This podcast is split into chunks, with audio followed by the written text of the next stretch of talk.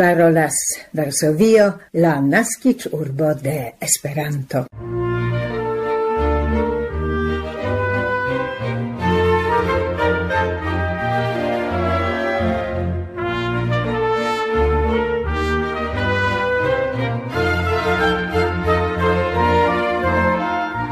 Koran saluton, carei auscultantoi en la Lauvica Esperanto programo el Varsovio, ci foie la 1221 audigianta la dudecan de januaro 2023.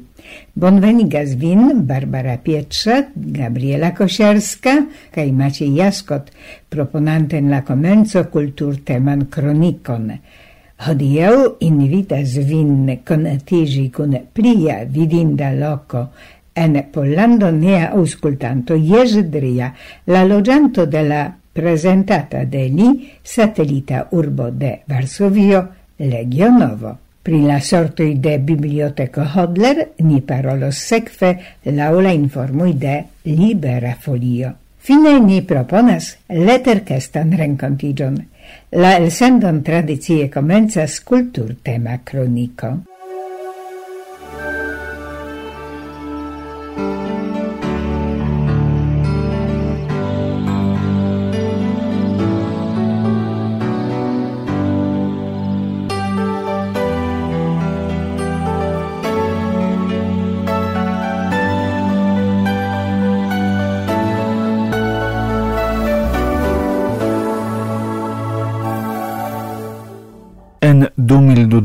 la regia Castello Wawel en Krakovo notis rekordan visit frequentecon, kiun antau la jarfino oni taxis je circau 1 miliono septcent ogdec quin mil visitantoi. Oni atingis tion malgrau la facto, che dum quin unuae monatoi la plimulton de expositioi en Wawel Castello ne eblis visiti pro preparoi al granda inauguro en junio, interalie cun nova presento de la regia tresoreio. En la dauro de la jaro en Vavel Castello estis prezentitaj dek ses ekspozicioj. Oni realigis sepdek tri filmojn kaj okazigis pli ol unu mil muzeajn lecionojn. La eldonejo de Vavel Castello aperigis dudek kvin titolojn inter kvardek quin novae exponajoi, iom post iom disponigitaj al la publiko troviĝas nepritakseble valora kolekto de ses gobelinoj kun blazonoj el la meso de la deksepa iercento.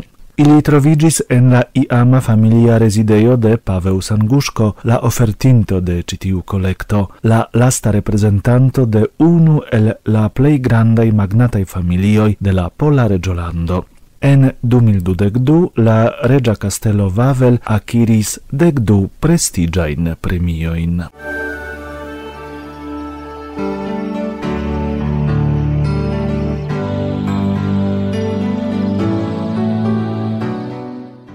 Soila della Crisnasco en la Museo de Curpie Regiona Culturo estis presentitai la unuai exempleroi de la romano de Antoine de Saint-Exupéry La Eta Princo en la dialecto de Curpie Regiono. de la nove jaro estis planita gia pli vendo campanio La traduk iniciato estis presentita en la gruppo Po Curpiosku mówię i Pisze. Mi parolas kai scribas en kurpie regiona dialecto.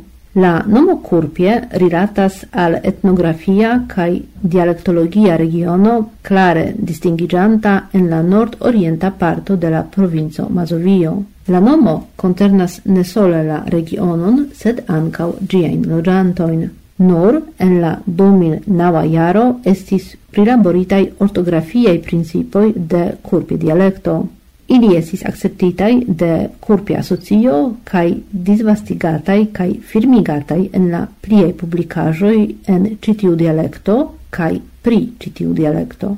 Pri la traduco de Mały Księć laboris dec persona grupo, aparte considerante la lexicon, ortografion kaj grammatica informoin.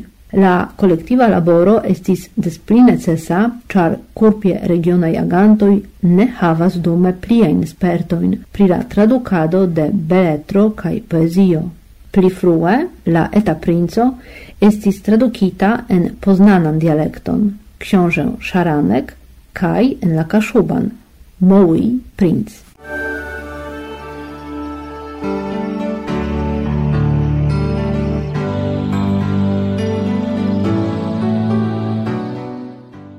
Laŭ la informoj de Tatry Museo en Zakopane, en Japanio forpasis Kazuyasu Kimura, la nepo de Bronisław Piłsudski, el stara etnografo, esploristo pri la popoloi de la Fora Oriento kai pli agia frato de konata pola politikisto Józef Piłsudski. Kazuyasu Kimura tenis konstantan kontakton kun la muzeo en Zakopane, kies etnografia in kolektoin estis kreanta lia avo en la jaroj 1906 1914. Li estis ancau ofta gasto de la museo. La visito estis ancau la ocaso visiti la tombon de la avo, pri kiu li eksciis nur en la ogdeca iaroi de la pasinta iarcento, dec iaroin antau la morto de sia patro, Sukezo. La lastan foion li estis en Pollando en 2018. La complica sorto de Bronisław Piłsudski, pri kiu ni felietonis en 2013, la unuan de novembro, conducis lin al Sahaleno, kie li contactigis cun ainoi. Liai esploroi pri citiu popolo helpis savi ilian culturon. Interalie en 1903 per vaxai cilindroi de Edison li registris ilian lingvon. Bronisław edzigis alla cusino de Aina Gvidanto, cun kiu li havis du infanoin. En 2013 en la urbo Shiraoi sur Hokkaido estis malcovrita la monumento de Bronisław Piłsudski.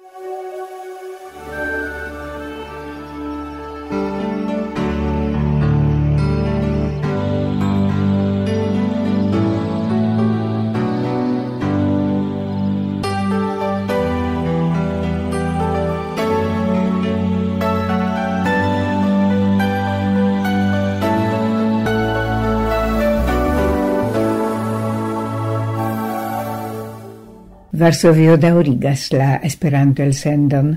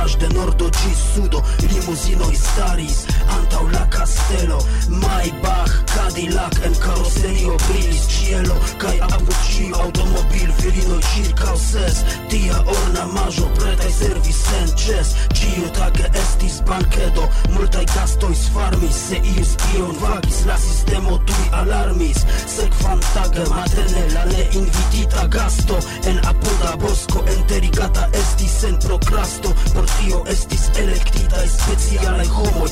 Kvankam labor ne interesa tamen gravis iliaj nomoj. Ĉar ĉiu mizerulo sciis ĉe kiu ili servas.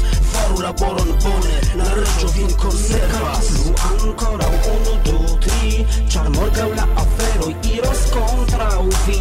Aperos nova reĝo aperos nova stil. Subtero kuŝos viam tia estas viv. Ne kalkulu ankoraŭ unu ankaŭ la aferoj iros kontraŭ vi aperos nova reĝo aperos nova stil subtero kuŝos viam tia estas vi ne nur Aldonu che la canzono chiune nirus audis fragmente estis titolita Ne calculu cae devenes la compacta disco de Eterne Rima Samidano eldonita de Vinil Cosmo. Parolas Pola Retradio en Esperanto.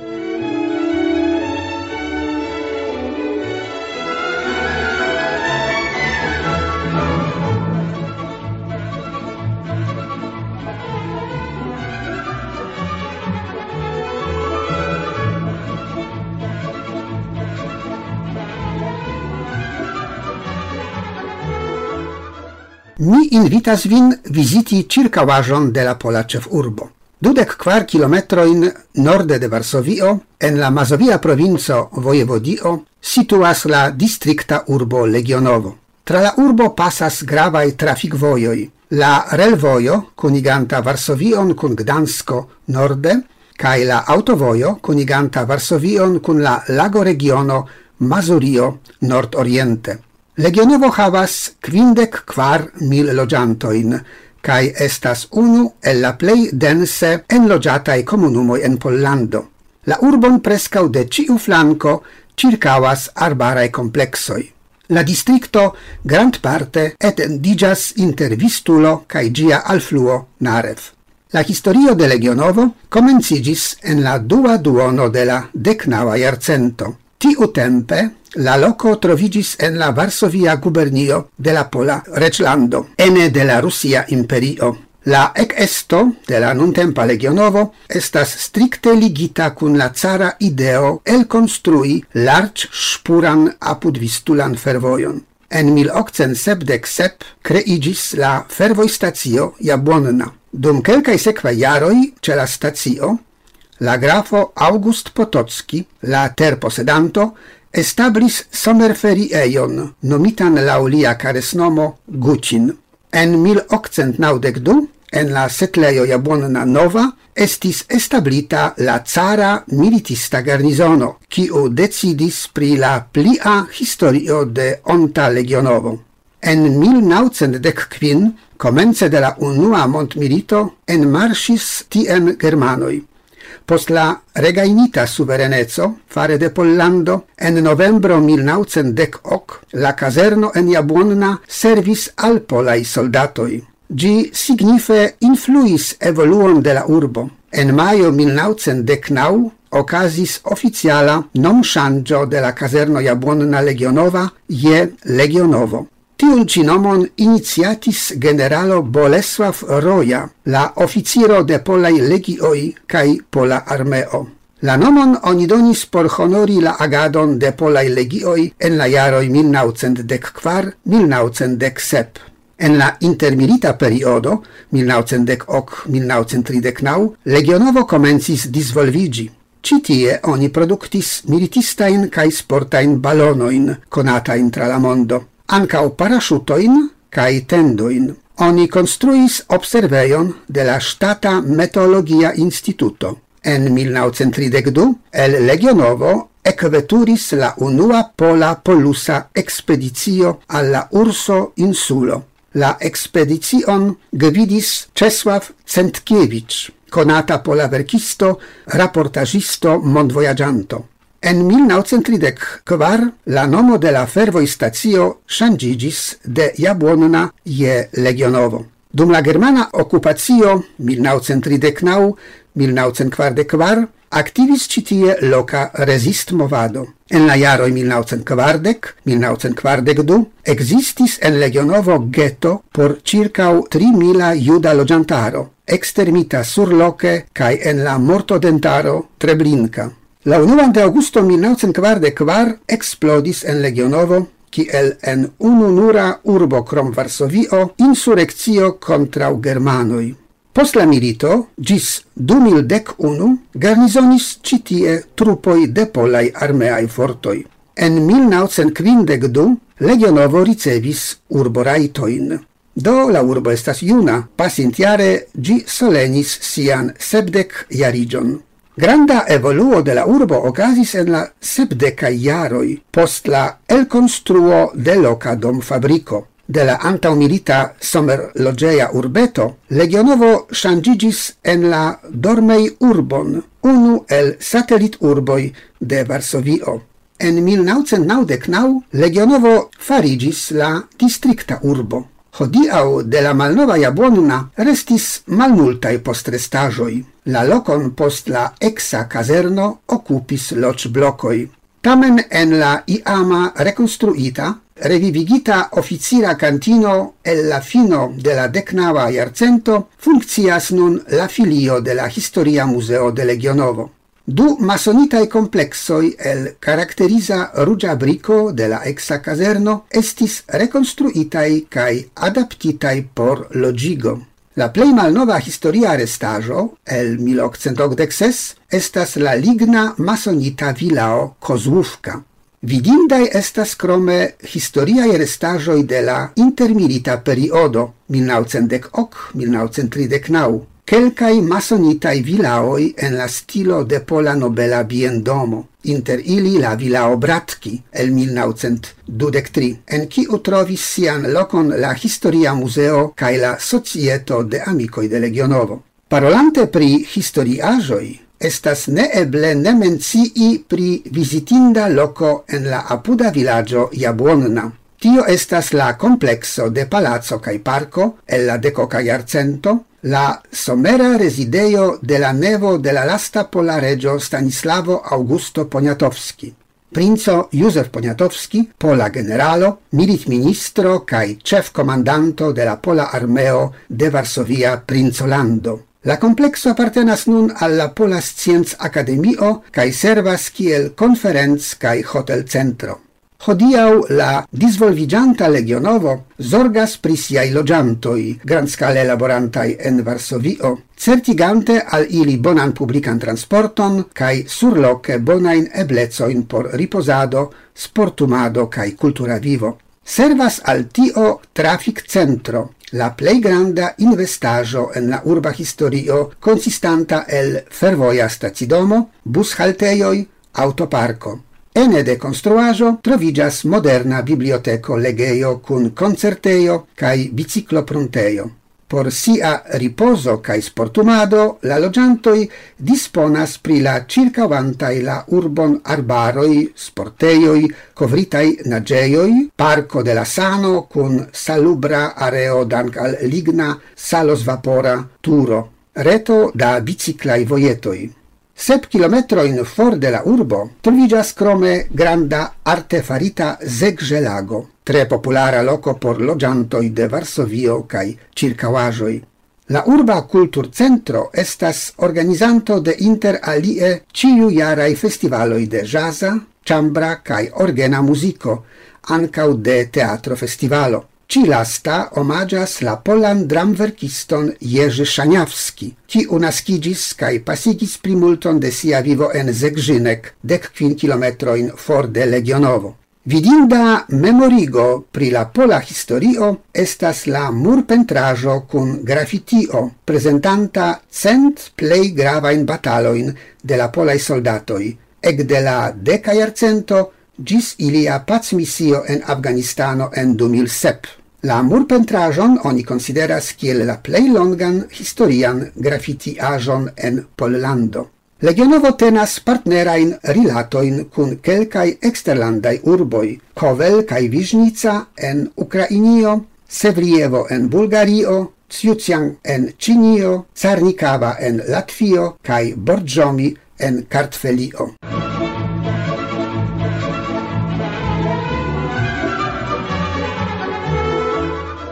Varsovio daurigas la Esperanto-elsendon.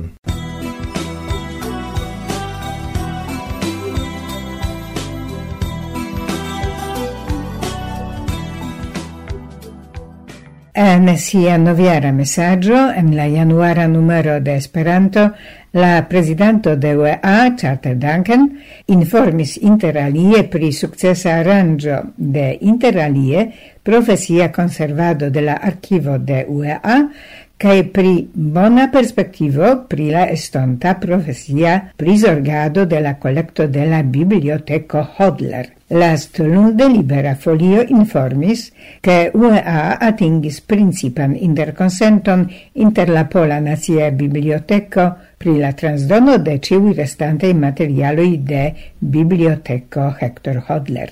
En la securigo de la transdono havis rolon la exa presidento de UEA Macfetes, kiu partoprenis la intertractadoin kiel direktoro de CED. Libera folio publicigis cun lia partan interparolon, el kiu nicitas lian respondon alla demando de Libera folio, kiui estas la basei conditui de la transdono.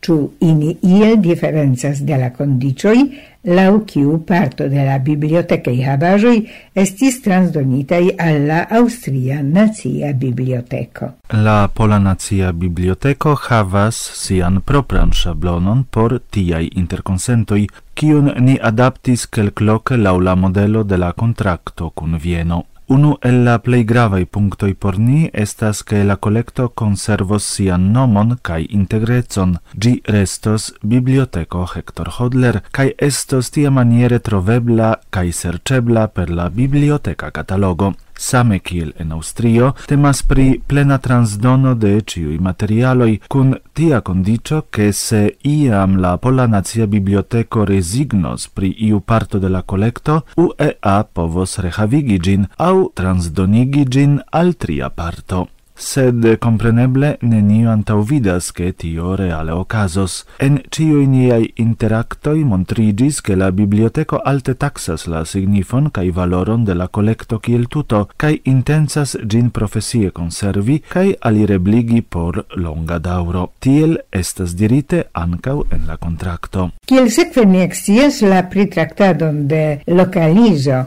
De biblioteco Hodler en Varsovio partoprenis krom Mark Fetes, Humphrey Tonkin, Bernhard Twinder kai Pas Pascal Dubourg Glatini, kiu identigis la Polan Nacian Bibliotekon kiel plei taugan solvon.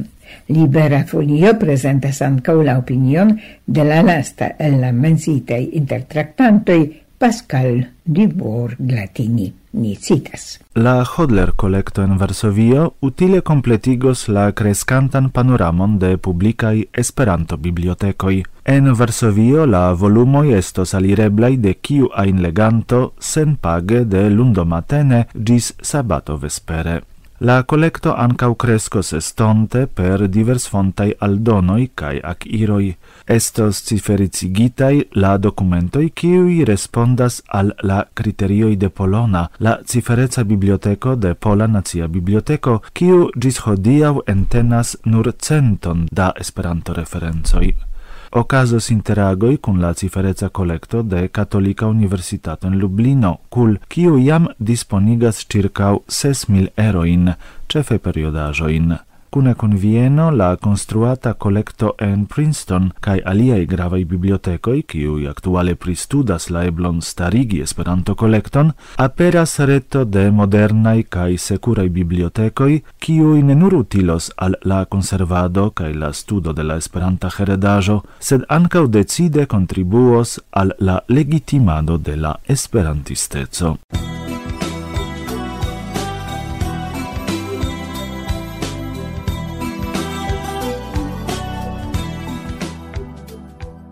Varsovio daurigas la Esperanto-elsendon.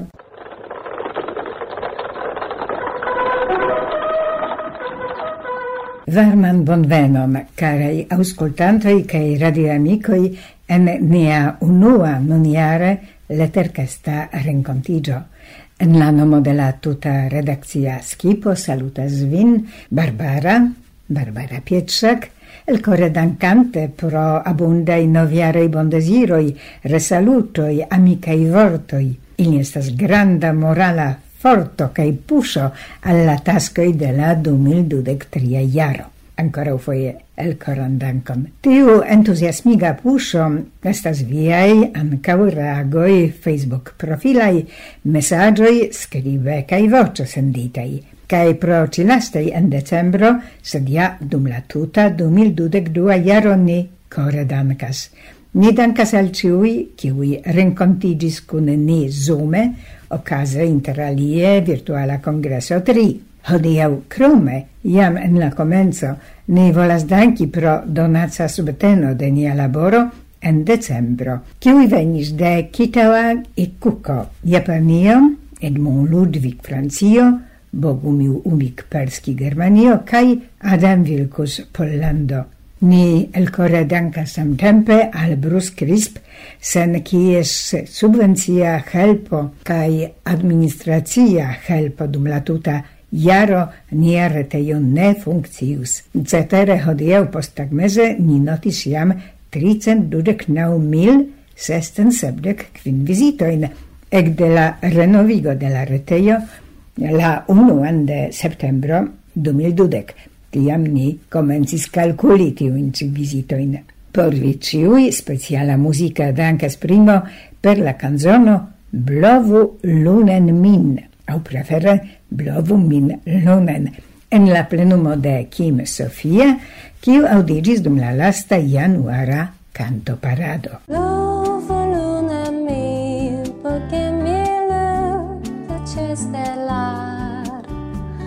Vidukieja pritempęs šių pitekaimas, en la.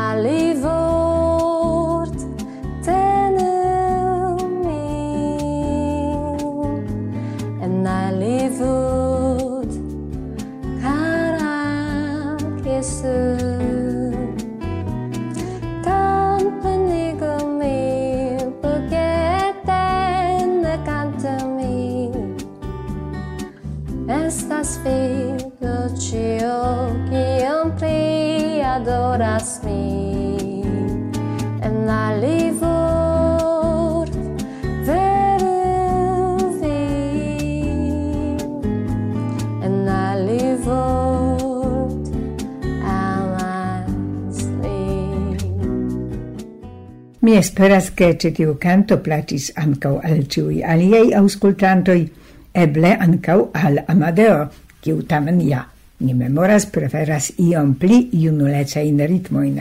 Ciu case granda plesuro estis por ni Amadeo via reago, je la en la unua nunjara elsendo, kun nia interparola rencontigio last autuna. Vi scribis, mi citas, saluton denove, mi tredankas pro la interviuo, Estis ega gioio paroli con vi. Coran dankon. Mi dankas al signoro Ubikperski, ĉar la studo ja igas min tre okupita, do sen lia sigo mi probable nestius che la interparolo estas publikigita in ĉi el sendo. Mi bedaŭrinde aŭskultas in nur foi foie, donne ĉiujn. Citiu estas tre interesa cae riccia je musica. Al mi tre placas la lecto de Parolu de Johnny N. Mi eble iam sendos voc messagion alla redaccio, tamen mi estas tro occupita registrante por miei studoi, La plei malfacile estas al mi nun la angla el parolo, kiun oni facte ne instruas en polei lerneioi. Mi prescau certe cestos la venontan do ciaran argones, dankon pro la laborom de la skipo caegis venonta messaggio. Coran dankon Amadeo pro via messaggio, ni ja antauĝojas pri rencantigio dum arcones, che dume desiras al vi multein studo successoin, cun la spero che ien, che ien vi trovos tempon, cae emon denove ni nauscul. Amadeo dankis pro nia laboro tiui dankoi, sed ja ancau esperoi pri nia daura laboro trovigas ancau en alies messagioi. En la salut messaggio de Ikuko Kitagawa legas. Corregan dankon pro la regulai interesei el sendoi de Pola Retradio. Mi certe giuos Polan Retradion ancau ciare. Ni clopodos, cara Ikuko, che tiel ocasu. Bogusław Ubik-Perski, cara redakcio de la Pola Retradio, mi dankas el cor al vi por via sindona laboro kai por ciui belai cae interesei programui en forpassanta 2022 jaro. Coran dankon, cara Bogusław, dankon pro via laboro kai contribuo. Jen per via instigado ausculti la programoin, jen per program informoi. Edmond Ludwig scribis Caraj cion bonan mi desiras al vi por la nova jaro. Mi cefe esperas, ke via tuta skipo daure tiel efike plu kunlaboros. Admirindan laboron vi kune realigas. Fartu bone. Koran dankon pro viei rekonaj vortoi, kiuj ja gioigas ne sole min, sed ĉiujn gekolegojn kaj cetere. Ni faros nian eblon, sed daure ni dankatendas vian subtenan kontribuemon per reagoi ne sole grafikaj, sed ancau messaggiai, cun commentoi, opinioi, nu ancau per donaca subteno de nia laboro. Attendante inin, ni adiavas vin. Gis la baldaŭa raŭdo, Signorinoi cae signoroi.